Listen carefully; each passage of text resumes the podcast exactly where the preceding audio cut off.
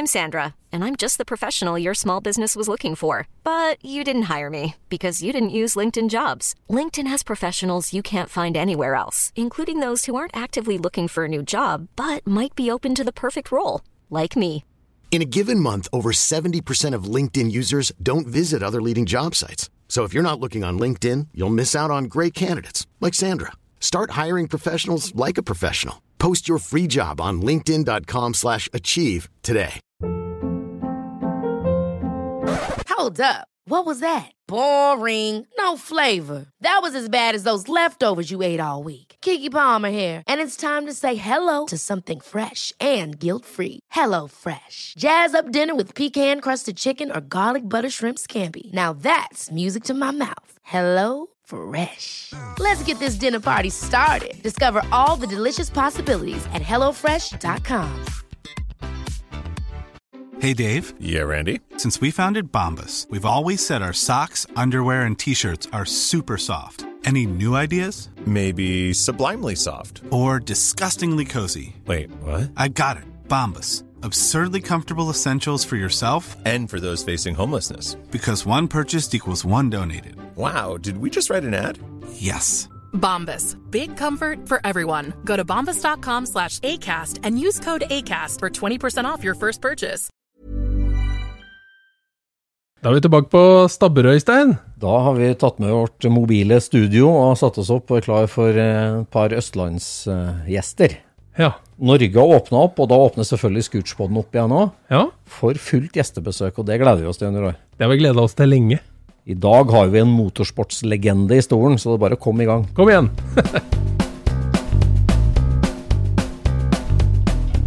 Du lytter nå til Scootspodden, en norsk podkast om klassisk bil med Jon Roar og Øystein.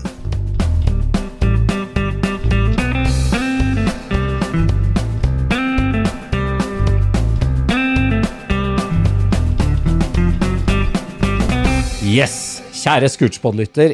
I dagens episode så har vi fått en, eh, jeg må må nesten si nabo av meg, men et navn som jeg husker veldig godt fra både Lyngås og, eh, og Leangen. Og eh, et navn som, som runger godt, spesielt når Jon Harvik Karlsen sa det. Jeg Husker jeg vi så rallycross på TV. Ja. Veldig hyggelig. Kjetil Bolneset, velkommen til Scootspoden. Ja, hjertelig. Du tok veien ned fra Kongsvinger, fra de dype skoger. Ja, fra de dype skoger, ja. Ja. Hva kjørte du hit i dag? I dag kjører jeg japansk bil. Japansk bil? Ja, ja, ja. Jeg tar bilen til kona. De fleste forbinder jo deg med Ford. Ja. Og, og altså, ja, rallycross-legende, sa vi, men altså, du har jo vært i motorsport og motorsportbransjen hele livet, du. Kjetil. Ja, nei, det begynte jo veldig tidlig med motor. Jeg begynte som niåring. Kjøpte meg min første motorsykkel. Og kom bærende hjem med deler i to Frydenlunds sånne langpilskasser. Akkurat. Så kom rullende med ei ramme på og to hjul, da. Så sa jeg til mor min får jeg lov til å kjøre med den? Ja da, sa hun. For at jeg skjønte at det kom aldri til å starte, men eh, det gikk ikke mer enn eh, halvannen uke, så durer det. Gjorde det? ja, ja, og da, og da var du i Kongsvingers gater, for, eh, for du er vokst opp der. Ja, jeg bor så midt i Kongsvinger som det overhodet går an. Gjør du det? Ja. Akkurat. Skjønner. Eh, hvis noen husker hvor gamle Grang hotell var. Ja, Ja, der bor du. ja rett på andre sida av krysset der. Ja, akkurat. Men hva får en niåring til å sette sammen motorsykkel i blinde? si? Hvordan får du til det? Nei, vi var jo mange oppi der, annet en kamerat som heter Pøl Tommy Helledal, som er eh, veldig flink mekaniker nå, og har vært uh, sjef på BMW på Kongsvinger og ekstremt flink, da.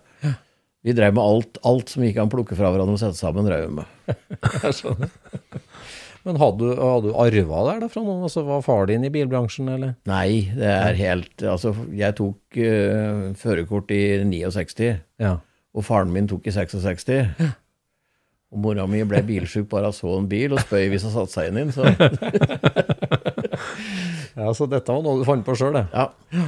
Så da ble det mekking da oppover ungdomsåra.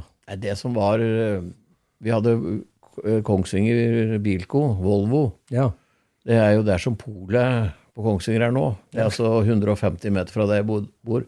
Ja. Og en Gunnar Hagerud, en legende på langbane motorsykkel. Han vant jo norgesmester i 53 på langbane. og En Hjallis-konkurrent? ja, og Nei, en, ikke en Base VM. Base VM, selvfølgelig. Og så kjørte han mye på Bjerkebanen og kjørte Volvo i alle år, da. Ja. Det er jo han som lagde alle motorer for Ola Rustad, og begynte å lage motorer for Tommy Rustad i ettertid. Ja, Så det var jo bort til han, da. ja på Etter, sko ja, etter skolen, da. Så var det dit, og så henge på gravkanten og få lov til å være med han ut og prøvekjøre, da. Det var der, der det blei Ja. Så jeg var jo med han Jeg var gammel, kunne være ni-ti år. Første gangen jeg var på Bjerke, på onsdagsløp der. Ja. Da var jeg med som mekaniker, da. Hva, hva var det som lokka da? Var det motorsporten, eller var det bilen, eller farta, eller hva var det? Jeg tror alt som durer, jeg. Ja. Det var eh, Ja, bare det durer, så var det greit. Ja, det. Men altså, du likte å mekke òg tidlig, da? Altså det å skru på det og kjøre? Plukke fra hverandre og prøve å få sammen igjen. Og kanskje ikke verdens flinke til å få sammen igjen, men så hadde jeg mange flinke venner rundt meg igjen, da, så, så vi fikk stort sett det meste til å starte å gå.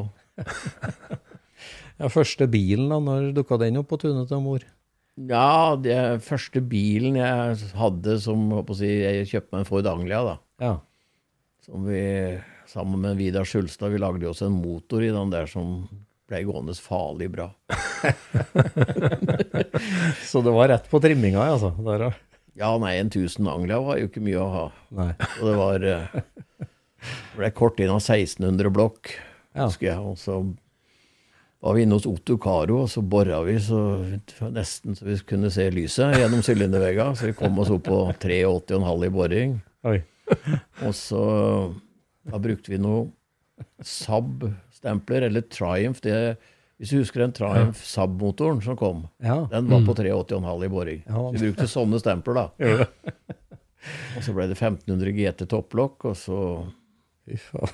Så vi havner på jeg tror det var 1740 kubikk i en. Så det var akkurat passe det. Hvor gammel var du da? Nei, vi, det var 18 år da vi begynte med dette der, da. Ja. Men før det så hadde vi noen jordebiler og var og kjørte litt, ja. ja. Men eh, kjøpte jo folkevogner og heiva av eh, karosseri, da. ja. Ja. Mange som starta karrieren der. Og da fant vi ut at de ikke skulle ha sånne motorer. Ja. Ja, da, da må vi kremte litt, Jon Roar. Jeg skjønner. Det var ikke så tiltalende med bok boksefire, altså når du var vant til rekkefirer. Nei, og så var det jo det at uh, når du er glad i motorer og litt turtall, og vi som sagt var med Hagerud og den gjengen, det var jo firer, rekkefirer med Ja. to doble Weberer, da. Det var jo det som var inn. Ja, det som, ja. Alt annet ble kjedelig. Ja. Men Cortinaen, havna den i billøp da, eller? Nei, den Angliaen jeg hadde, den, Anglian. nei, det ble privatbil. Ja. Og så var det fram og tilbake opp gjennom tida, og så ble det en Volvo 142. ja, du er fra Kongsvinger, så Ja. du måtte jo ha det. Ja, Hedmark. Og da fikk jeg hjelp av eh, Hagerund, da. Så skulle jeg reise til Sverige og kjøre rally. Og jeg, vet du, det, jeg drømte jo om 248 Webrer og alt mulig. Og så sa han skal du kjøre rally, så må vi begynne under bilen. Oh. Så da begynte vi i bakaksjen. Ja. Ordentlig sperre, riktig utveksling der. Tettsteg i innmat i girkassa. Bygde opp motor. Og så da var det tomt for penger. Ja. Så da ble det to SU-forgassere. Ja. Som jeg reiste til Sverige første gangen jeg kjørte rally. da. Og nå er vi Hvilket årstall er vi på da? Da er, Dette må være 75, tenker jeg. 75? Ja. Hvor gammel var du da, Kjetil? Født i 53, å regne du som kan. 3-24? Ja. Ja. Nei, så du kan si at du var jo Vet du, når du var Du fikk ikke lov til å kjøre bil før du var 18, vet du. Nei. Kunne få øvelseskjøre litt fra du var 17, var det ikke det? Jo. Tror. Så du kan si Du var jo ung og lovende til du var mange og 20, vet du. Ja. og når du, hvis du er 22 år nå, så er du jo gått ut på dato. Ja. Ja. Så, ja, ikke sant? Hvis du går inn på YouTube Ja. eller, eller, ja, eller, og ser på Kalle Råvampere åtte år Ja. Altså, da han kjører Toyota Starlet Det er ingen Ja. Så du kan si Ja. Det er jo helt utrolig hvor, hvor tidlig de starter, men så blir de jo ekstremt flinke òg. Ja. Så det er Nei, altså, Ja, så, for da var det rallyforbud i Norge, så du ville konkurrere, og da måtte du til ja, for det første så koster det jo ingenting å kjøre rally i Sverige. Nei. Og da reiste vi over til Charlottenberg, Torsby, Ja. Knekkebrødsvengen. Altså vi kjørte sånne småløp. Ja. Så da var det å ta med seg kartleser, og så to dekk, og så verktøyskasse, og så en kjetting. Ja. Så kjørte vi til Sverige og gikk opp bilen, skrudde på rallyhjula. La igjen det andre, en kjetting gjennom det, og så reiste vi og kjørte fartsetapper. Og så var det ned igjen på service, eventuelt bytte dekk eller et eller annet. Og så, når du var ferdig, så var det å skru på vanlige hjul og kjøre hjem igjen. Det var ikke langt, det, over til Saltenberg for deg? Nei da. Ja, kort og sant. Det var en time og halvannen til billøpet. Ja. Og så var det noe av få kroner i startavgift. Ja. Alle disse småklubba på svensk side vet du, hadde jo rallyer. Ja. Så det var gøy, det. Det var gøy. Men da når du liksom begynner å kjenne adrenalinet og startlinja og altså kjøringa, var, altså, var, var det mekkinga og garasjen som var mest stas, eller kjøringa? Jeg, jeg var vel mer Når jeg først begynte å kjøre, så var det kjøringa som var eh, det store. Det var eh, Ja. Og så var det veldig gøy når du kjørte bort til Sverige, da, som det gikk jo, Du har jo A-, B- og C-fører, ikke sant? Så jeg brukte jo veldig kort tid fra C-fører opp til A-fører, da. Ja, akkurat.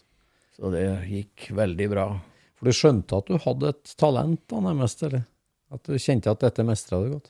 Ja, nei, eh, jeg fikk det jo til veldig greit. Eh, Så kom vi tilbake igjen, da, og så begynte rally i 1976.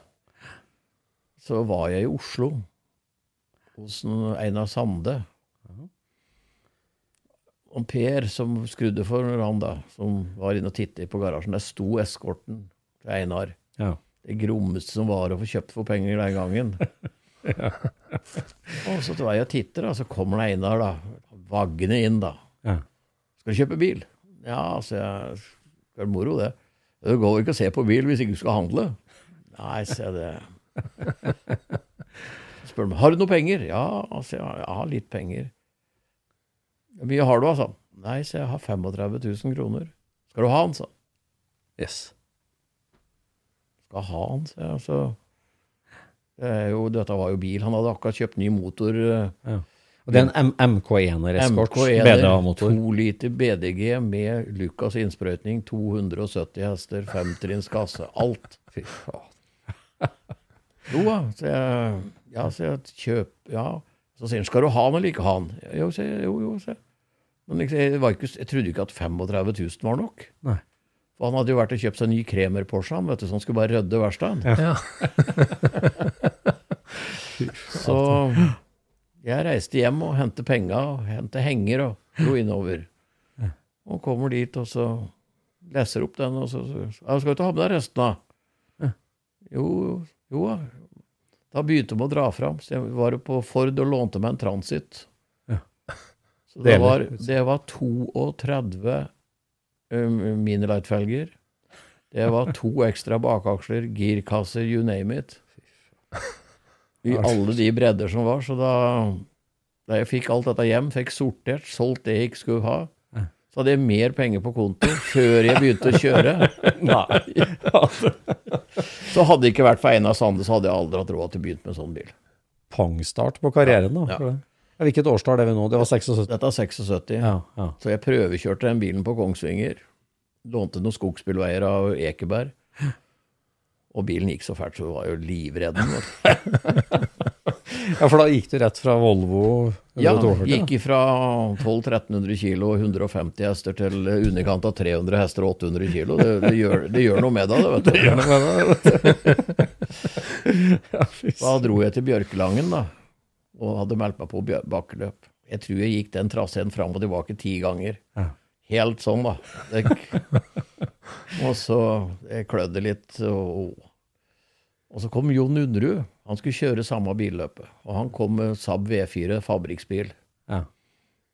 Og han startet opp denne bilen. Han gikk jo bare på tre sylindere. Og så gikk bort og sa du må, bilen din må gå ja på tre. Ja, men uh, altså du må bytte ja, templugger. For jeg visste jo en kamerat som hadde sånn V4, og da den var kald, så la han igjen en eller to plugger hver gang du skulle starte den opp. Ja. Så jeg hjalp ham å bytte plugger for han. For han, Jon Undre han hadde jo ti tommeltotter, så det var jo greit. Og fikk starte opp bilen, og den gikk på alle fire. Og så kjørte vi bakkeløpet, da, og så så viste det seg at da, jeg slo jo, så jeg vant jo, da. Ja. Foran Underud. Ja. Og så går Underud rundt i depotet og sier 'Hvor er mannen som har kjørt ifra meg?' Jo. Har ikke jeg sett deg før? Jo, så jeg har akkurat byttet plugger på bilen. Så det var, det var liksom gøyalt, da. Så det, ja. For det Vi gjorde litt research før vi skulle lage denne episoden her, og um, snakka med en kar som har vært i rallycrossmiljøet, han sier at uh, Kjetil Bolnes han var den triveligste mannen i depotet. Trengte du hjelp med deler eller mekking, så stilte han opp. Det var ikke noe sånn at 'jeg er konkurrent, jeg hjelper ikke andre'. Så det, det er et rykte du har på deg, Kjetil? Ja, altså, vi Som jeg sier, at uh, vi skal kjøre om kapp på banen, og så skal vi hjelpe hverandre i depot. Ja. Det er jo mange i dag, hvis du drar på rallycross-EM eller VM nå, vet du, så har de hver sin store buss og i telt. Ingen ser på hverandre, ingen prater med hverandre. Nei. Jeg har vært på noen av de løpa som er nå. liksom, Det er jo ikke sånn som i gamle dager, hvor alle hjalp alle. Nei. Jeg glemmer jo aldri vi kjørte i Frankrike, og Ole Arnson velte med Audien. Ja. Og alle drev for å få bilen hans ferdig. Og Martin Skanke sto inni der og med port oppover, for Martin Skanke hadde en kjørestil, så han hadde bestandig med seg oppretterverktøy. Ja. Så han sto inne der og jekke, og så kom det en svensk journalist, og så sa han svensken 'Hur kan det ha seg at du hjelper en konkurrent?' Ja. Så sier han til den, eh, journalisten da er ingen konkurrent, bare en medtevlande'. Den er fin. Så, Det var ikke noe risiko å få han på det verste var jo at Ole vant, for det ble så dårlig vær der. Vet du, så han vant jo, det var en av de gangene han vant C-, B- og A-finalen. vet du. For han var jo den eneste som hadde firehjulstrekk den gangen. Ja, det var det. var en av de første. Så var det jo tørt til å gjøre tidlig da han velte, da. Ja. Men så begynte det drittværet, så da vi fikk han utpå igjen, så han vant jo alt, han. Så det er Ja, for da kjørte både du og Martin Toresek, da? Ja. Ja. Og der nede var det leire, vet du. Og når du da har eskort med noe av 100 hester og det, ja, Spilte ikke rolle hvilket gir du hadde i. Nei. Nei. Altså, det har vært mye gøyalt. Men MK1-eren, da. Første seieren på Bjørkelangen, da. Ja, bakløpet der, ja. Og ja. da med, med, Første rallycross-starten, da. Når kom den? Det var 77. 77? Ja. Med den samme eskorten? ja. Ja. Men imellom der, da, så kjørte jeg Volvo Cup Ja. eh, vinteren 77. ja. For det jeg hadde jo heller ikke planlagt da, men så var det en kamerat av meg som hadde hadde en Volvo Cup-bil etter Jan Karlsson fra Elverum, som han brukte som privatbil. da. Ja.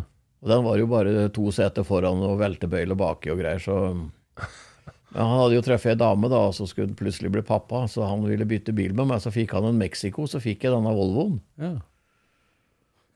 Og så tenkte vi jaha, når vi har da bil, så kan vi prøve å kjøre Volvo Cup, da. ja.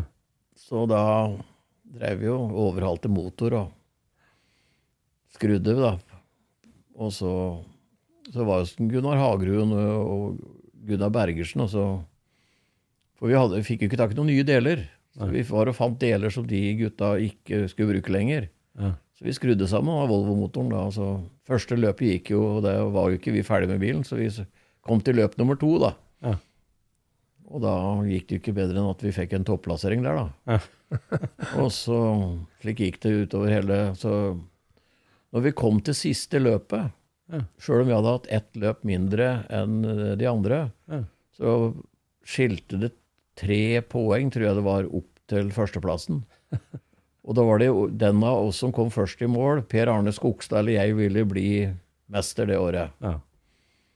Og da starten gikk oppover langsida, så så jeg i høyre speilen at det, nå blir jeg torpedert. Ja. For da, var altså, da hadde han fått meg Så hvis jeg hadde fått null poeng, og han hadde fått null poeng, så hadde han vunnet. Ja. Og idet jeg styrer inn, så bare bråsvinger jeg ut og bremser, og han bommer og går i brøytekanten Og noe jævlig. Og jeg kjører jo, jeg tror jeg blir nummer fem eller seks det løpet, ja, men da Nei. vant jeg Volvo-cupen det året. da. Så han fikk smake sin egen med- medisin, ja, da, altså. Ja, da. Så det, ja. Nei, altså det Så det var eh, Da ble jeg Volvo cupmester da i 77. Men siden da så var det bare Ford og full gass i rallycrossen.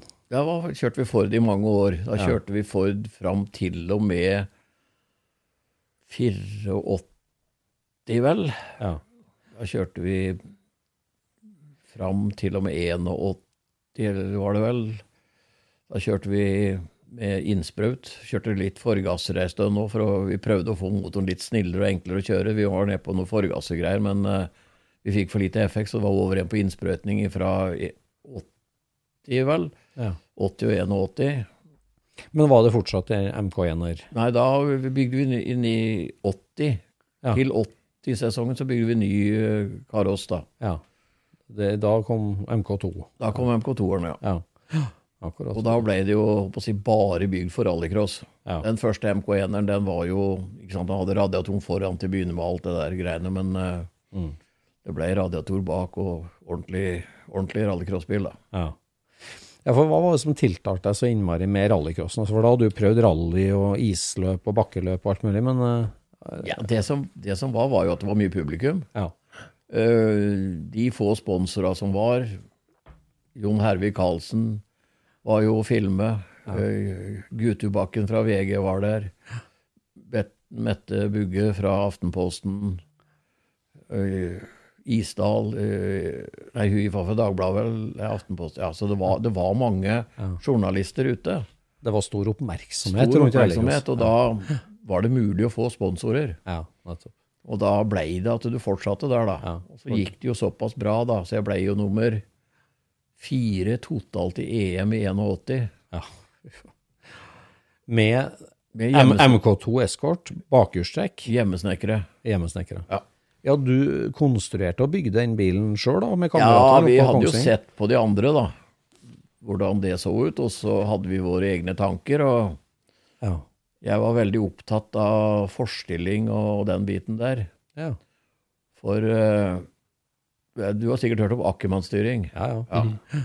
Og det er noe jeg misliker. Oh, ja. Ok. For når du har 300 hester i en eskort, så er det veldig sjelden du kjører rett fram. Ja. og når du ligger i skrens, Ja. og du får parallellstyring, så kan du ligge i skrens uten at det bremser. Men har du akkermannsstyring, ja. Mm Ja. Og du har forhjula på tvers, ikke sant, så står de i stor spredning. Og da ruller det tungt, og da er det veldig lett for at bilen snurrer. Ja. Ja. Men har du parallellstyring, så kan du kjøre sidelengs. Så du ville at det skulle hyle hvis du svinga på asfalt, du? Ja, nei, men bilen var jo sånn at han løfter innhjulet innhjul likevel. Ja, det asfalt, så det spilte, spilte ingen rolle. Så gjorde du om spindla, da, eller hva gjorde du? Flyttet Nei, vi flyttet tannstanga, Ja.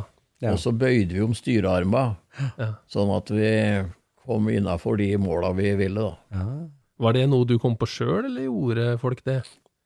Nei, jeg og sånn som heter Vidar Skjulstad, da. Han er en sånn ordentlig tusenkunstner, da. For han eh, kjørte også litt eskort, og da du kom for bredt med eskorten, så måtte du slippe gassen for å ikke snurre. Ja. Og da sa jeg at jeg har ikke noe lyst på å slippe gassen. så da fant vi ut at uh, få dette parallelt. Ja, ja.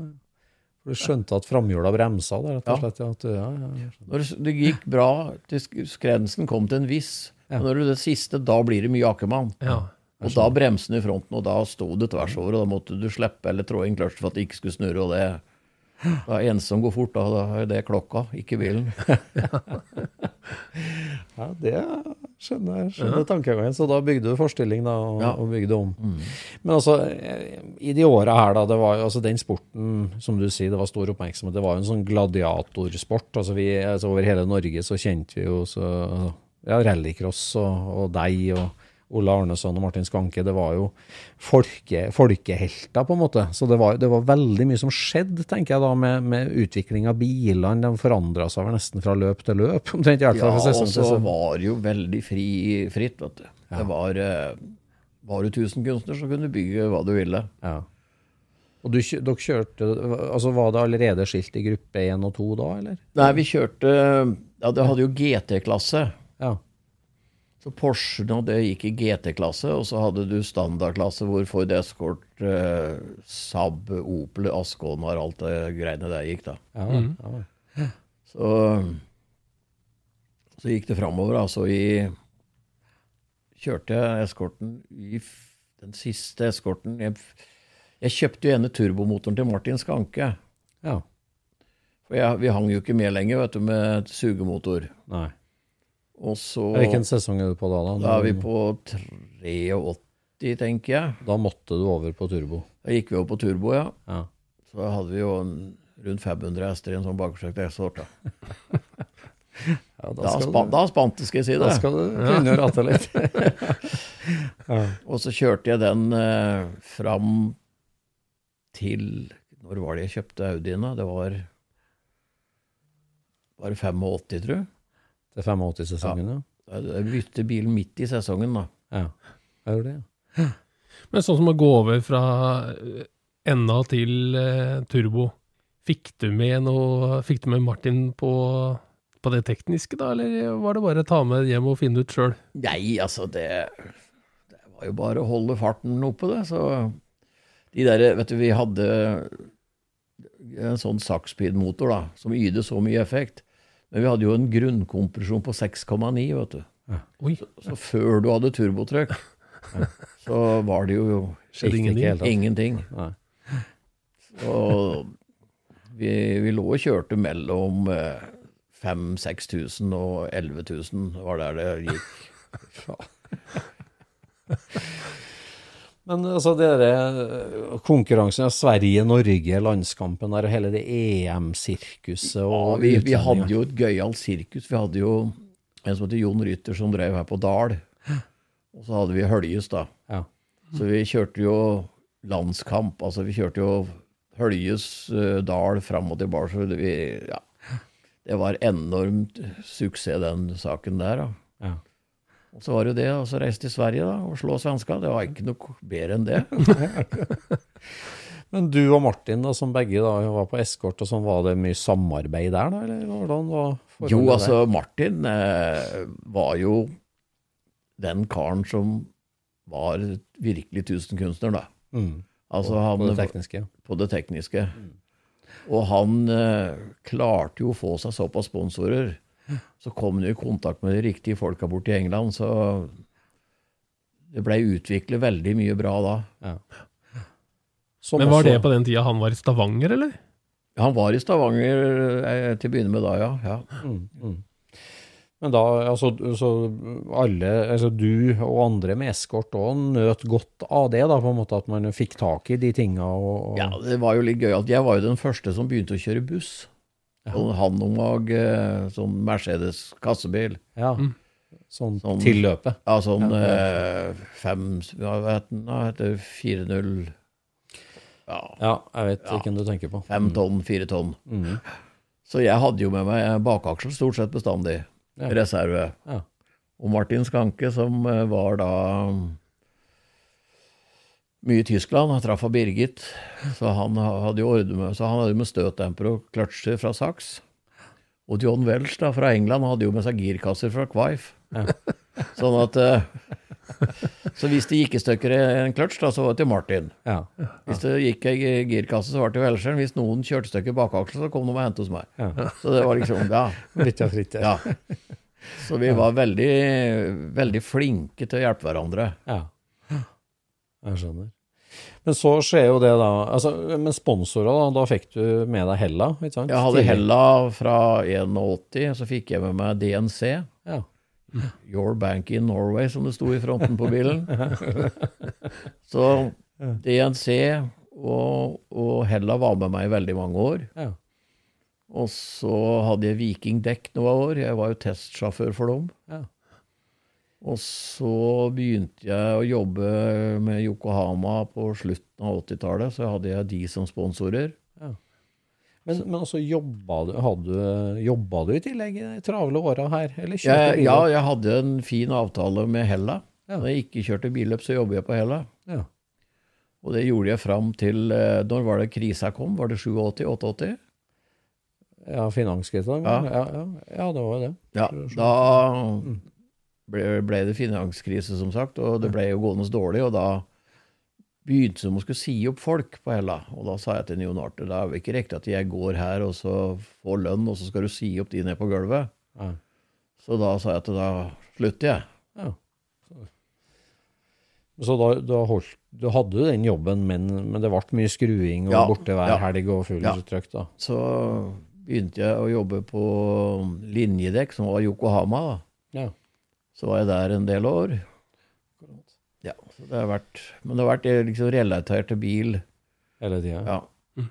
Men det, det, det som skjer da i 85, da, at da går det ikke an å ta tohjulstrekken lenger, Det, egentlig. det, var, stoppa, det. det, det lar seg ikke gjøre. Det, når, når, når du passerer 400 hester Ja. og bakerstrekk altså Når du snakker om hva som er gøy å kjøre, en sånn eskort med bakerstrekk og mye hester Ja. Er du, du bare sitter og smiler. vet du, Det går jo sidelengs overalt. Men eh, det går ikke fort nok. Det går ikke fort nok. Og da var alle konkurrentene over på firehjulstrekk, da. Ja, jeg var en av de siste jeg, som gikk over til eh, Og det verste var jo at det, det, den, den siste sesongen det var, Jeg tror det var bløtt på hver EB-runde òg, vet du. Så da Ja. Du hang jo med hvis det eh, var tørt, lange starter, Valkensvard f.eks., Nederland. Ja. Der kunne du henge med med en tohjulstrekker når det var tørt. ja. Akkurat. Men så måtte jeg Og da var det en jeg kjente i, i Belgia som sa at det står en bil i Frankrike, eller han står i Belgia hos en motorbygger, en franskmann som har bygd en bil. Veldig lett, fin Quatro. Ja. Så jeg var og så på den, da, og så litt fram og tilbake, og så ble vi enige, så jeg kjøpte den. da. Men var det en sånn uh, ekte gruppe B-bil fra rally, eller det var bygd Nei, for rally? Nei, dette var bygd, den var ekstremt lett. Ja. Bygd for rallycross. Ja, Ja. Men det var en vanlig ur-quatro. det var en urquatro lang en, ja. ja. Mm. Så den var bygd for rallycross, Ja. og- men aldri kjørt, da? Jo, han hadde kjørt lite grann. Ja. Men var det mye Audi da? Når kom Ole Arneson? Ja, de, hadde, de kom vel litt før det. De kom vel litt 2-83, de vel vel. Ja, akkurat. Så i 85 så Ja. dro du til Belgia og henta den? Ja, Ja. og da var det en 20-ventiler, så det var jo veldig tidlig ute. da. Men han var jo på Som så heter Francois Montaigne, en eh, belgier, kjørte også med motor fra han samme motorbyggeren, da. Men hvordan i hulaste var den overgangen der, da? For da, da går det jo virkelig fra, fra noe til noe helt annet. Altså annen motor, annen bil, firehjulstrekk. Ja, Helt ny verden. Hvordan, hvordan var overgangen der? den var brå. Da? Ja, nei, altså, men det var jo Jeg hadde jo kjørt litt annen bil opp igjennom. så Jeg, og Vidar Skjulstad vi hadde noen minier, så vi kunne jo det med å henge etter forhjula òg. Ja. Så det var jo Jeg måtte prøve å feile litt, da. Ja. Og så hadde jo Per Eklund i Arvika, han kjente jeg jo. Han hadde jo kjørt en god del rally med Quatroer. Ja. Så han hadde jo noe hjuloppheng liggende, for det var jo det som skjedde i gamle dager, at da de kjørte for fabrikksteam, så fikk de med seg noen deler hjem, da. Ja. Så jeg fikk et ordentlig hjuloppheng fra han. Ja. Og da begynte den bilen som, håper å si Han gikk fælt, men han var, han var ikke noe god å kjøre. Men etter at jeg fikk eh, tak i støtdemper i fjærer, alt fra på å si, fabrikksteamet til Audi da, via Per Eklund, så, så virker bilen veldig bra etterpå. Ja. Ja, hva, hvordan gikk da de kommende sesongene der? Altså, da var jo Martin over på firehjulstrekker eskort. Da var han eh, en sånn firehjulstrekker-ekstrekk, ja, Ja. Som han kalte det. Ja, ekstrekke.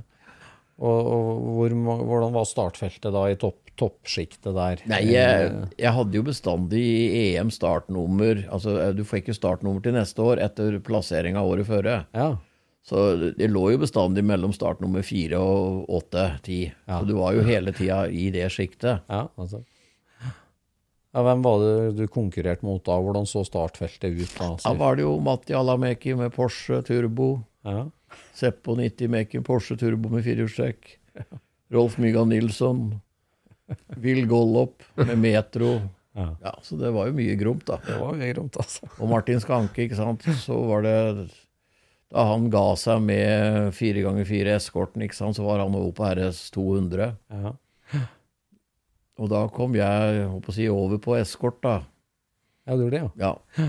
Så solgte du Audien og Ja. gikk over på Ja. en fire ganger fire. Ja. Var det en X-track òg, eller? Det var en X-track, ja. Ja. ja. Det hadde vært moro, men som sagt, eh, når du kommer fra landet vet du, For alle de som klarte å få tak i sponsorer, de bodde i Oslo. Var det sånn, ja? Ja, ja, ja. Kommer fra landet, så var det vanskelig å få tak i nok penger. ja, ja. Det var hele tida en kamp, selvfølgelig. Ja. Og hva var budsjettet på et år, da? Driftsbudsjettet for å kjøre full EM-runde, det var mye penger, det. Ja, det var jo ganske mye penger. Eh, men eh, jeg hadde jo med meg jeg, Det må jeg fortelle om, det var jo gøy. For da vi begynte å kjøre Dette var jo tilbake igjen i 78-79. Da hadde jeg med meg tre gutter som skrudde. da. Og så da, da var vi jo såkalt unge, da. Ja. Og så kommer det en journalist hvordan kan det ha seg at dere har råd til å kjøre billøp og sånn og sånn. Så var det jeg og Ivar Hoff og Per Myrvang og Frans Bråten. da. Så sier Ivar det til han journalisten Og vi jobla alle fire. Nei, altså vi Altså budsjett Da jeg ga meg til slutt, det var i 2-83, da hadde jeg sagt til meg hvis jeg ikke klarer å få 1,5 million i budsjett 293 antagelig? Ja. Eller? Ja. ja. Da blir det ikke noe. Og det ble ikke noe heller. For da var det over på nye biler, for da fikk vi ikke lov til å bruke gruppe B-greiene lenger. vet du. Da skulle vi overbygge bygge, ny- nye gruppe A-greier, da. Ja. Ja. Men den X-tracken, hvordan går man fram for å få tak i en sånn? John Welsh hadde jo bygd en nesten parallelt med Martin Skanke. Ja. Og Welchen hadde jo kjent i alle år, men han fikk jo avtale med Opel, så han bygde jo en X-Track Kadett, da. Ja. Ja. Så da var jeg over hos han og fikk kjøpt den til en noenlunde fornuftig penge, da. Ja. Så var det ta den hjem, og så bygde jeg om den igjen, for han hadde bygd den med uavhengig bakfjøring. Ok. Så, han, så jeg bygde den tilbake igjen og ble mer lik Martin Skanke hadde kjørt, da, med Ja.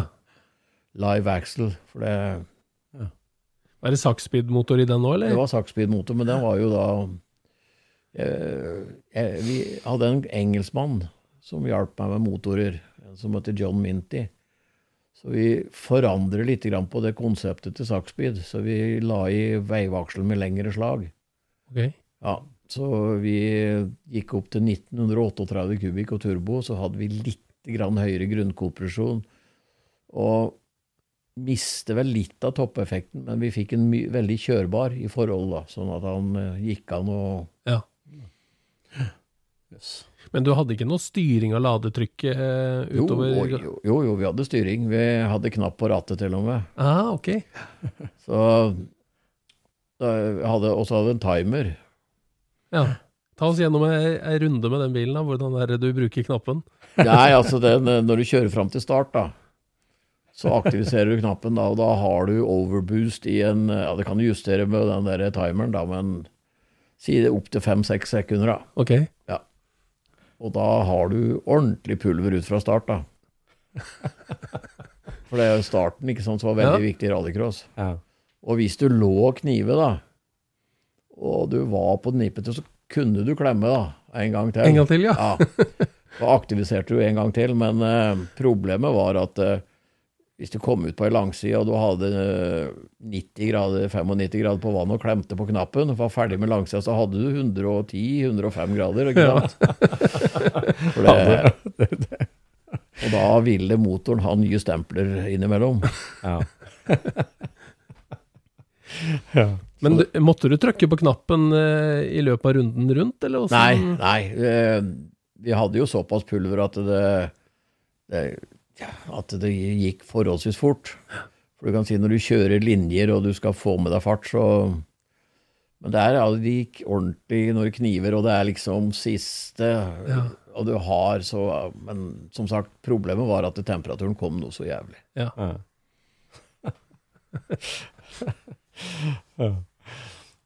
Tøft. Så da, for da, da, du, du solgte Audien ja, og gikk over på den X-Tracken, og da er vi på sesong 88 eller noe sånt, eller? 89? Ja. Når du kom med X-Tracken. ja. Akkurat. Og da kjørte jeg den fram til jeg ga meg, da. Ja. I par 293. Ja, jeg kjørte en, siste NM-finalen med henne, som sagt, på Dokka. Ja. Det var dessverre veldig synd det som skjedde der, men Ja, hvordan, hvordan gikk det? Siste- Nei, jeg, jeg vant jo første innledende omgang, andre innledende omgang. Hadde pole position i starten. Og drar starten, og så blir jeg kjørt av banen inn i For da kommer en diger Audi, sånn versting, en grønn en, Ja. fra Arvika og dytter til meg, så jeg blir sist. Så kjører jeg forbi alle igjen, unntatt han. Ja. Og da jeg passerer mål, så begynner han å gjøre piruetter, og jeg bremser ned, og så kommer Per Ekelund bakfra, som tror det er igjen flere runder, og så kjører den på meg, så bakakslingen sitter under setet, og det er totalskrot alt sammen. Oi. Den X-tracken. Og der stoppa både bilen og karrieren din. Ja, jeg kjørte litt rallycross etterpå. Jeg prøvde meg litt grann i denne nye gruppe A, den derre fire ganger fire sånn Sierra Cosworth, og Ja. da det kom Mitsubishi fire ganger fire og greier, men det, det gikk i stykker hele tida. Vi hadde en kamerat i Sverige som hadde en sånn jeg lånte noe løp, men det var eh, Nei, det var ikke moro engang. Nei. Når var det mest moro, da? Rallycross-karrieren? Ja, altså hvis du sitter og tenker tilbake igjen nå, så ifra 79, siste året med MK eneren, og fram til eh, Ja, det var jævlig moro første året med turbomotor nå. Mm. For da, da gikk det fælt, og det var veldig lite med firehjulstrekkere. Men når firehjulstrekkerne kom, og ikke sant, da gikk pengegaloppen da begynte å ta av. Så da var det slitsomt. Og da, da kom du hele tida på etterskudd. Ja. Sånn at uh, Mm. Ja, det var penga som rår. Ja, det er penger. Ja. Men hva skal jeg si, altså, du snakka litt om hvordan type du var i depot, Kjetil, med, med at du hjalp kameratene, og det var et godt sam, samhold i gjengen. Hvordan var du som sjåfør? Hvordan ty, hva, er kjørefilosofien din, på en måte? Altså, hva Nei, altså jeg Det er jo å ladde for fullt, da. Altså rallycross det, det, altså, rallycross det er jo som å springe 100 meter. Ja. Ja. Ja. Intenst. Ja, det er intenst. Ja. Starten har alt å si. Starten har alt å si, Altså, du kan, altså, du kan ikke slippe gassen. Altså, Sjøl om det er trangt og du kjenner at det går litt tungt, så du, du slipper jo ikke. Og så må det jo være mye å kikke i speilet òg, sånn eh, og følge med på hele feltet, liksom. Nei, du, hvis du drar starten, så bør du ikke se i speilet. Nei. Nei, nei, for du, du kjører så fort som du overhodet klarer. Ja. Ja. Det har ikke noe mer å gi om du får en i speilet. Nei, og så en annen ting, hvis du ser for mye i speilet, så mister du konsentrasjon. Ja. Ja. Men eh, det eneste du ser, f.eks. når du er på ei rettstrekke, da, hvis det er en som ligger veldig nærme, så veit du at du da Du kan ikke gå og ta stor høyde. Da må du lokke igjen, så ikke han, Hvis du går ut for å ta høyde for å få en riktig sving, så kan han gå ut, gå inn og stenge, da. Ja. Så du må bare så, ut på langsida. Men hvis det ikke var noen der, så var det bare å fyre alt du orker.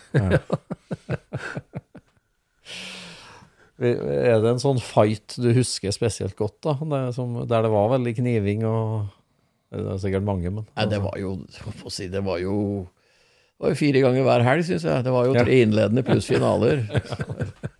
Og var du uheldig, så ble det, ble det fem ganger òg. For da sier du havnet i B-finalen. Skulle du vinne B-finalen, så skulle du opp i A. Ja.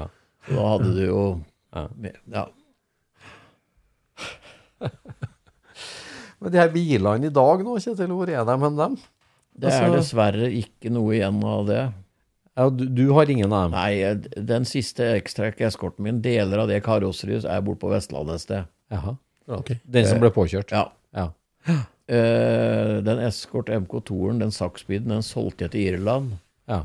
Og der er det en del av de delene som lever fortsatt i en uh, Escort som ser noenlunde likedan ut, da. Men med Cosworth-motor, ikke Saksbid-motor, da. Ja. Og Audien, da? Audien, den uh, er i Sverige. Ja. Karosseriet står oppe i eh, Hva heter det for noe der hvor Vasaloppet går? Ora? Mora? eller? Mora, ja. Mm. Så det sto der, og så var jeg oppe og så på det, og så jeg ja, nei, han kunne selge det til meg. Ja, så jeg, mye skal du ha? 20 000, sa han. Ja, så jeg, det er greit. Ja, men det var euro, sa jeg. Nei, da skal jeg ikke ha den.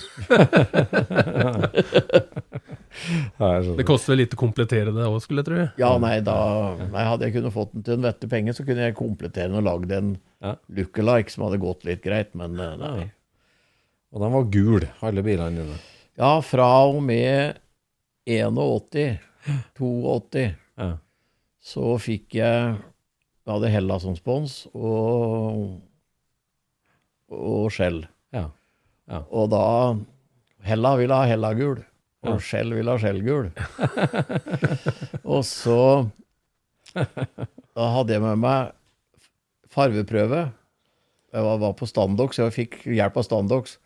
Så fikk jeg et lite fingerbøl med gult av begge to. Ja. Så, var vi på, så, så tømte vi de opp i et beger. og så, for det farva var så like at det var nesten Ja. umulig. Så Ja. er vi enige om å bruke den? Ja. da kunne vi ikke si nei. Nei. Herlig. Men uh, MK1-eskorten, vet du hvor det ble av dine? da? MK1-eren, Ja. den uh, et, I 77 Ja. så ruller jeg med den opp i Høljes 13 ganger. Å, herre. Så den bilen blei så ødelagt. Vi rettet den opp igjen og kjørte videre med den. Ja. Men eh, da vi bygde MK2, da fikk eh, Ford skaffe oss karosseri fra England, da. Da bygde vi om, og da flyttet vi over bakaksel, forstilling, altså alle de delene. Ja. Og brukte om i en girkasse, motor og sånt men vi bygde da om til MK2, da. Ja. MK1 og MK2 er jo samme bilen. ja. Det er samme gulvet. Samme gulvet. Ja. Ja. Bare mer linjal Ja. når de tegna den. Ja. ja. Så da døde MK1-eren Ja, der, det. den døde der og da, Ja, jeg skjønner. dessverre. Ja, ja. Sånn er det. Sånn er det. Men når du sier at eh, du hadde med bakaksler, og det virka som det passa på alle biler? Er det, Nei, liksom- altså, vi som kjørte eskort, da hadde noe som heter Forlink. Ja. Og eh, et firma som heter Gartrack i England. Ja. eh, han eh, lagde jo disse ferdig med de utvekslingene og det vi skulle ha. Ja. Og så hadde vi tilgang til en reserve, da. Ettersom jeg da hadde plass bak i bussen Ja. min, så var den med der, da. Ja, Ja. Så de var såpass like, de bilene, ja. Ja, de eskorta. Ja. Ja. Ja. Både jeg og Martin Skanke og Welchern og alle, vi hadde Forlink, og de var eh, Vi hadde litt forskjellige vinkler på stagga i bila. For ved å vinkle sånn, så setter bilen seg ve veldig. Ja. Men hvis han setter seg veldig, da, så hender det at du ikke får styrt, da. Så du må liksom ja. ja. Så fra visse raske baner med godt grep, så forandrer vi innstillinga på bakakselen, da. Ja. For at den skulle sette seg forskjellig. Ja. For går du veldig fort på asfalt, så vil du ikke at det skal sette seg så for mye, for da går det jo rett fram. Så dette må du justere, da. ja. Dere drev og testkjørte litt i de dype skoger, da? eller? På- Ja, nei, vi var jo så heldige at vi hadde jo noen skogsbileiere og så, eh, skogseiere som vi fikk lov til å låne skogsbilveier av. Og, Ja. Det er en fordel med å komme fra landet. ja ja, det er en fordel fra landet. Ja. Største meritten, da, hvis du ser tilbake sjøl, hva, hva føler du sjøl var det største Så Du ble jo norgesmester med Audien, ble du ikke? Ja, det med den og med turboeskorten og med vanlig eskort. Og, så jeg Ja. har jo noe av NM, da. Men da jeg vant NM i 81 og ble det nummer fire i EM det året, det, det var et veldig bra år. Ja. 81. For da var, da var bilene veldig like. Så da var det så kan du si, sjåføren Ja. gikk på. Men uh, jo lenger uti, jo mer ble det penger, ikke sant. ja. Mm. Konstant jag etter penger. Ja. Men i 81 visste folk flest hvem du var når du Hadde du noen fordeler i, i samfunnet ellers, liksom? Nei, altså Altså, alle så jo opp til eh, når du kjørte fort med bil, og det var gøyalt sånn, men eh, Fikk i hvert fall ikke noe rabatt på fartsbøter. Nei, du gjorde ikke det.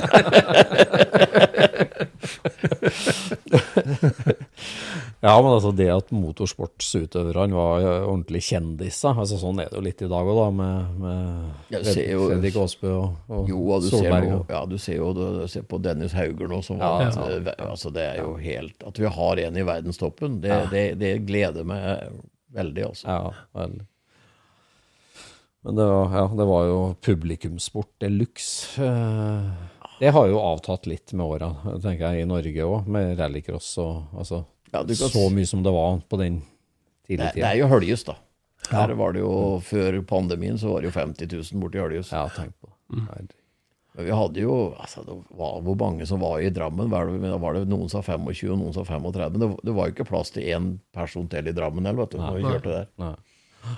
Vanvittig sirkus. Ja. Så kjørte vi jo ned ved Versailles, ved Paris. Der òg var det jo 50-60, jeg har ikke peiling. Det var så mye folk, så det var ikke Ja. ja. Artig, da. Artig å være sirkushest. Ja, når Det er så mange på sirkus. Men vi kjørte på mange gøyale baner, da, vet du. Ja, ja, ja. Og ser eh, rallycross-VM nå. For nå er det jo Nå er det ikke rallycross, vet du. Nå tar du Silverstone, og så legger du grushauger på en asfaltbane. Så, Ja. Nei. Altså Lyden Hill, som er uh, Mekka, der hvor alt begynte. Når du ikke bruker den i EM og VM altså, Ja. Det er jo omtrent som du skal ha Holmenkollen og ikke bruke Holmenkollen. Da. Eh, ja. Ja. Tenk det. Ja. Holmenkoll søndag på Vikersund? Nei, det blir ikke Nei. Vanvittig. Men eh, har du holdt kontakten med noen av de gamle heltene? Å jøss, ja. Har du? Ja, ja, ja. Det, Så dere, ble ordentlig gode venner, altså utlendingene og alt sammen? ja, jeg og Velskjern, da. Ja. Vi uh, prater jo sammen ja, åtte-ti ganger i året i hvert fall. Ja, det gjør det? uh, jeg, nå har jeg ikke vært i England på flere måneder. Nei. Men jeg tar vel en tur nå forholdsvis raskt, tror jeg. Og da besøker du han? Da reiser jeg til Velskjern, da, og han John Minty, han gamle motorbyggeren min. Ja. Og så litt rundt omkring, da, og ja, så det er Ordentlig, ordentlig pubrunde i England, og så fish and chip. Og det, er- det, er-. England er jo noe helt spesielt, da. Ja, ja. Hvordan står rallycrossen i England nå, da? I dag? Nasjonalt så er det jo ganske bra. Ja. Men uh, de har jo ingen VM-fører nå, da. Nei. De har ikke det. Nei. Men det har jo vi da i Solberg junior òg. Det er jo Ja, I rallycross har vi Ja, jo nei, nei, Der har vi jo bare han, Vi har jo EM i år, da. Han eh, Bakkerud ble Ja. europamester i år. Ja. Mm. Tommy Christoffersen ble verdensmester, da. Ja. Fy fader. Men det at de økte for å lage VM jeg, Nei. Da skal det kjøres på tre kontinenter for å få lov til å kalle det VM, vet du. Ja. Ja.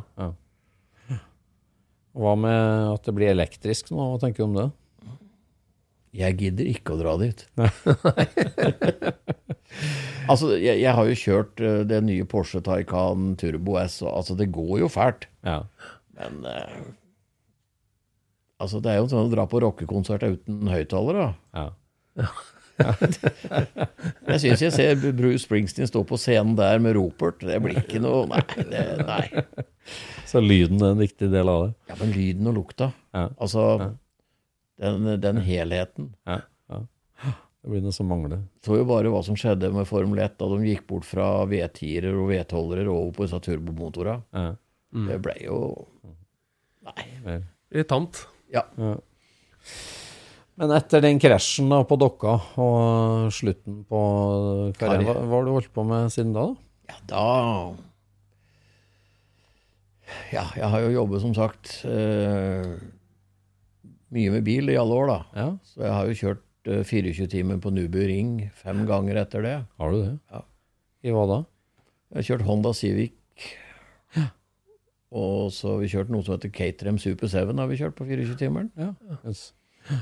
Og så har vi kjørt Jeg driver med mye annet, da. ja. Har ikke du også kjørt Galaxy rundt på Nürburgring? Jo da, jeg har vært eh, Jeg og Stig Blomkvist. Vi ble også venner den gangen vi kjørte billøp, da. Så en kamerat av meg i Torsby som heter Jan Olsson, han har noe Ford Galaxy, sånne 63,5-modell, som de heter. Ja. Som ble spesielt Hvorfor han heter 63,5? Det er at han ble klasse inn med noen spesielle deler for å gå i NASCAR, vet du. Ja. Ja. Så det er en big block eh, V8, da. Så Side oiler. Ja. Ja. Og den, eh, den har vi jo Den yter jo 540 hester, den Galaxyen. Og Det er svær bil. ja da, det er eh, Det er 12 kvadrat. Ja. Ja, er det ikke 208 brei og, og rundt 6 meter lang? ja. Fy flate. Hvis du ja, får en brett, så er det og så koster den samme som leilighet i Oslo til samme pris nå. Altså. Tolv kvadrat. Ja, men han eh, Han ser jo tung ut, men han er egentlig veldig lettkjørt. Ok. Det er vanskelig å komme forbi når du ligger bredt, i hvert fall. Ja, nei, han tar litt plass. Men uh, det er eh, Du sitter jo og smiler, vet du. Det er Kjøre den på asfalt Ja. er som å kjøre 142 på grus. Ok. Er det? Ja. Det er ja. Krenger og slenger. Ja, du, du, du, du kjører jo bare på skrens, vet du. Ja, ja, ja. Du har jo Og sjøl om vi kaller den lightweight, så det er jo glassfiber, panser og dører og koffertlokk og liksom letten så mye som mulig, så så den veier bare 1598, da. Jeg skjønner, lettvekter. Og så, for å få grep, da, så er det 140 liters bensintank som bør være full. Ja, akkurat. Og den er jo full koffertromme, og så Og så sjåfør oppi dette, så det blir 1,8 tonn, da. Ja. 1,8 tonn, ja. Og så kjører vi jo sammen med Minier, Ja. for det går i samme klassen. Jeg har sett det på Goodwood, det ser spennende ut. Ja, ja, En ja. Sjikane med Mini og Galaxy sammen. liksom. Er det av årsmåleren? Årsmodeller og litt eh, ja, sånn hvordan det var den gangen, da. Men ja. jeg glemmer aldri Vi var borte i Sverige og kjørte, og så var en Stig Blomkvist sa at eh, For da hadde det vært regn på kvalifiseringa. Og da havner jo Galaxyen bak, for det er ikke sjans til å følge en Mini på bløtt, vet du. Og da, og da sa han når starten går da, Kjetil, når du kommer ut på raka første gangen, så må du se på temperaturmåleren. Og hvis den stiger, så kan det hende det sitter en Mini i grillen.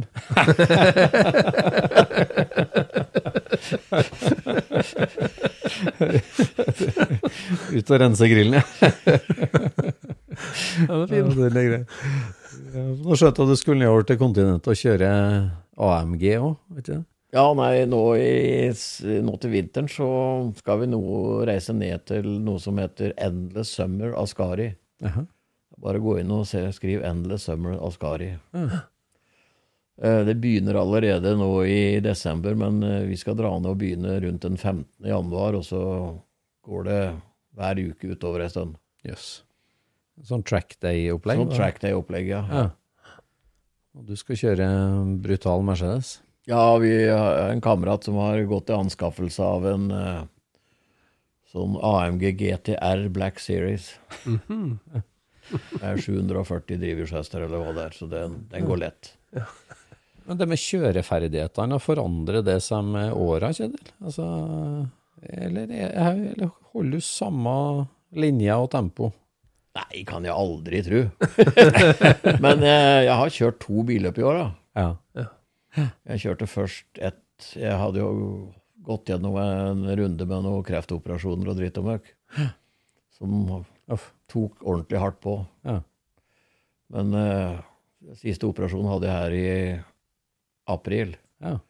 Så da alt var grodd og sånn utpå ettersommeren her, så kunne jeg få lov til å prøve litt igjen, da. Ja. Da kjørte jeg to løp med Volvo 240 historisk på asfalt, og havnet på pallen to ganger. Hyggelig. Og så prøvde jeg meg i Porsche Carrera i 44 Cup. Ja. Ja. Og der er det jo en borti 20 biler med. Så jeg prøvekjørte bilen fra Kongsvinger. Ja, Jeg har skilt på denne bilen, da. Så jeg kjørte ut til Signersjøen camping og drakk kaffe med en Gudmund og kjørte inn igjen. Kjørte den på hengeren og reiste til Rudskogen. og en fjerde- og en sjetteplass, da. Yes. Gamle rever. Ja. Ja, da, så, men det var moro, det, da. Det moro. Er moro. Så det er, ikke, altså det- det er lett å sette seg inn i nesten hva som helst av bil, da, og så kjøre godt. Jeg har, jo, jeg har jo hatt den fordelen at jeg har jo jobbet på Ja, jeg driver i Jeg var jo fagredaktør for et blad som heter Drive. Jeg vet ikke om noen var, så det? husker på det. Ja. Det var jo der fram til vi ga oss i 2004. Da ble jo det solgt til Automotor Sport. Ja. Så da var vi jo i Europa på kryss og tvers og testa alt som var, da. Ja. Lamborghini, Edonis, eh, Königsegg, you name it. Ja. Og så begynte jeg å jobbe i 2004 på Vålerbanen. Ja. Så jeg var jo instruktør der fram til høsten 16. Og så har jeg drevet med noe som førerutvikling, heter det. Ja.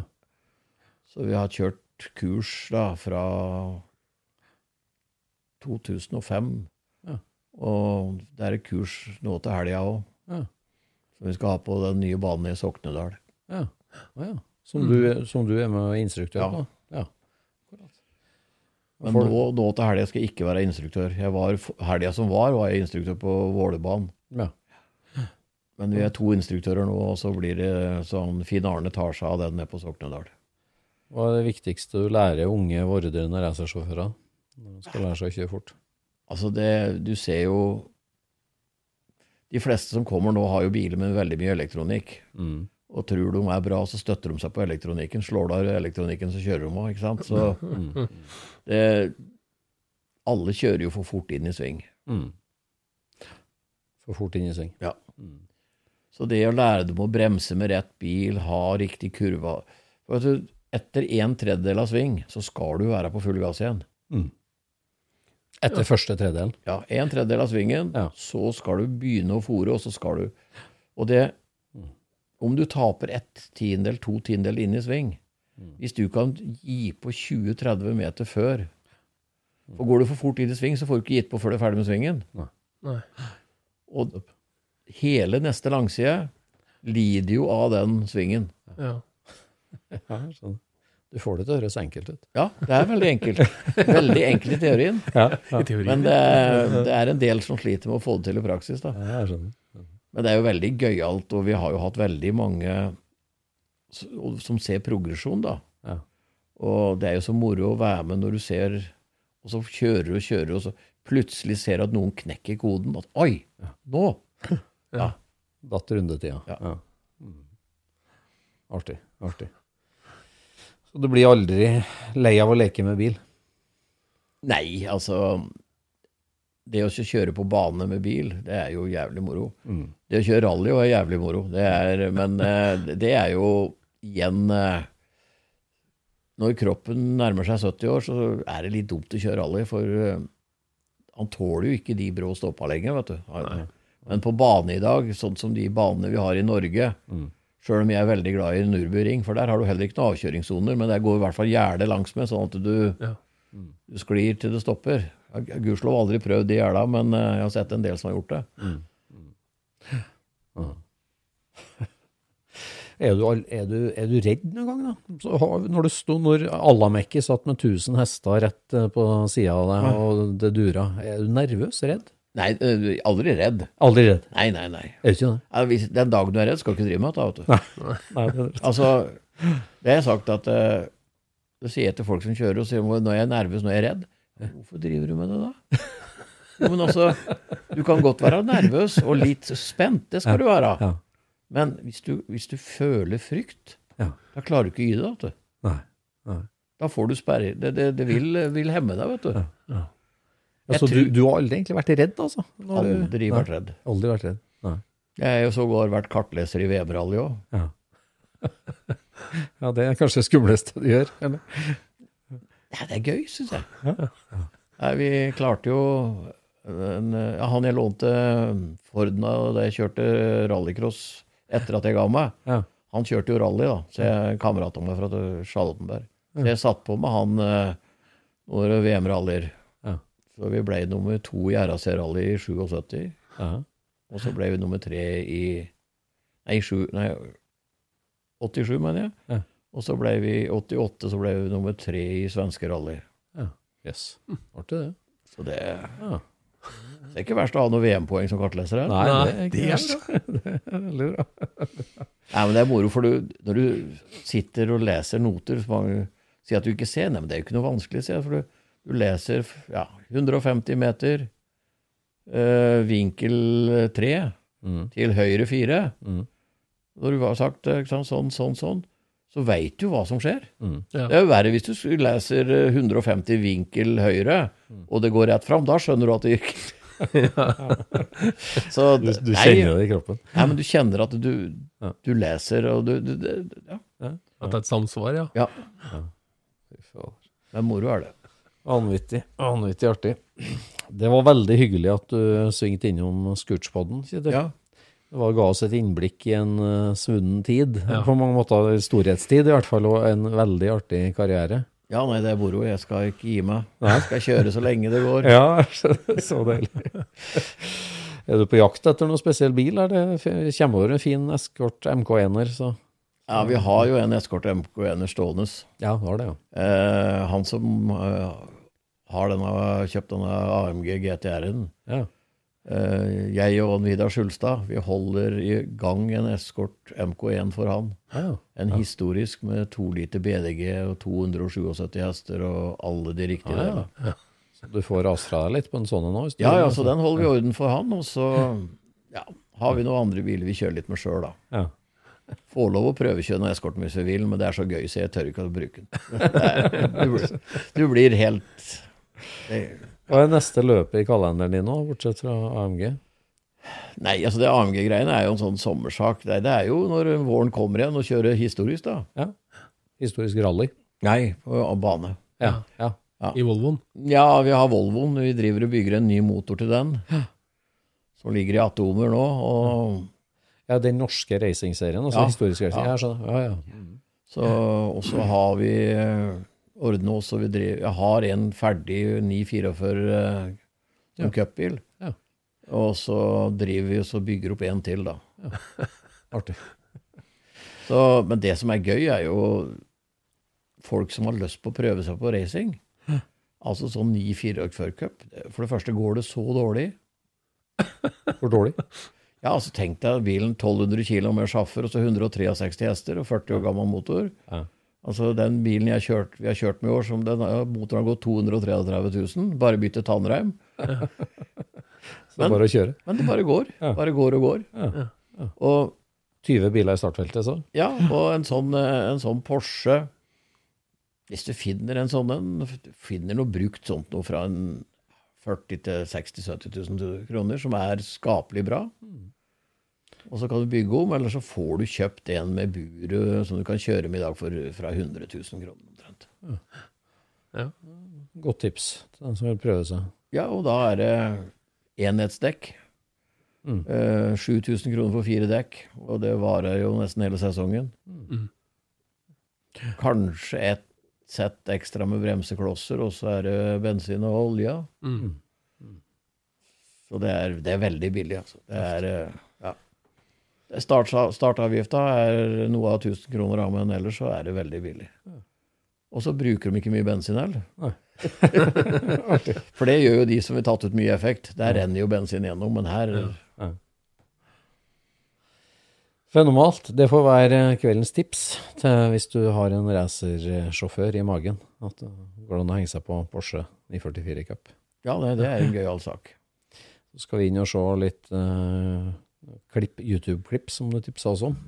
Også. Og, og jeg har sett du kjøre uh, Vålerbanen nå, og forskjellige rallycross-finaler. Jaha. Så det Ja. Og trenger du Yokohama-dekk, så er det jo bare å ringe deg, vel? Ja, nei, som sagt, eh, jeg har jo et lite firma da, som eh, jeg og en som heter Falknau Falkenhaug, André, en eh, racerbilkjører det òg. Ja. Så vi leverer jo slicks, kan man si, eller til race, rene racinghjul, da. Ja. Så Som du forsyner norsk motorsport med. ja, så vi er på alle NM-runder i baneracing pluss uh, gatebil ekstrem. Ja. Og leverer dekk der. Så vi har banerekorder på alle banene i Norge nå, så det er helt greit på Yokohama. Det er helt greit. Du får dra webadressen nå, da. Nei, vi har ikke noe webadresse. Vi, Du har vi ikke er, det? nei, nei, nei. Da, vi, Bare nei, vi er eh, vi var bare mm, på Facebook, da, så kan du finne oss under Norsk Motorsportservice. Ja. Norsk motorsport. Ja. Men som sagt, det, alle som kjører racing, er jo på disse bilene. Og det, vi selger jo ikke dekk til altså Hvis noen vil kjøpe racingdekk for 25 000 de ikke kan få brukt, så er jo det greit, det. Men Ja. eh, for sliks, ikke sant, det, det får du ikke bruke på track day. Nei. Nei.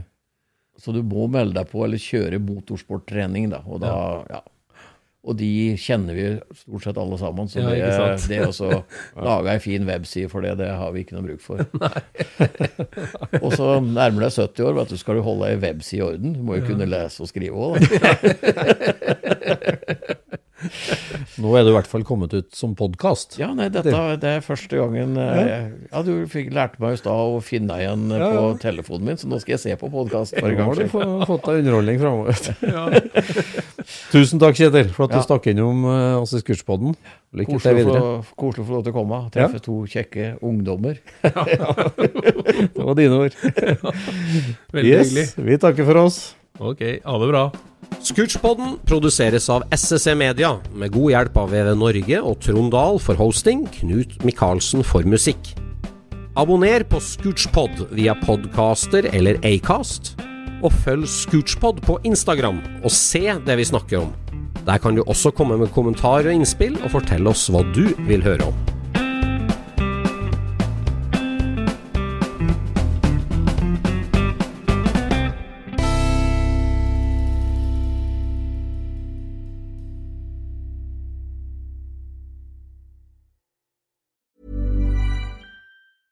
Planning for your next trip? Elevate your travel style with Quince. Quince has all the jet setting essentials you'll want for your next getaway, like European linen, premium luggage options, buttery soft Italian leather bags, and so much more. And it's all priced at 50 to 80% less than similar brands. Plus, Quince only works with factories that use safe and ethical manufacturing practices. Pack your bags with high-quality essentials you'll be wearing for vacations to come with Quince. Go to quince.com slash trip for free shipping and 365-day returns.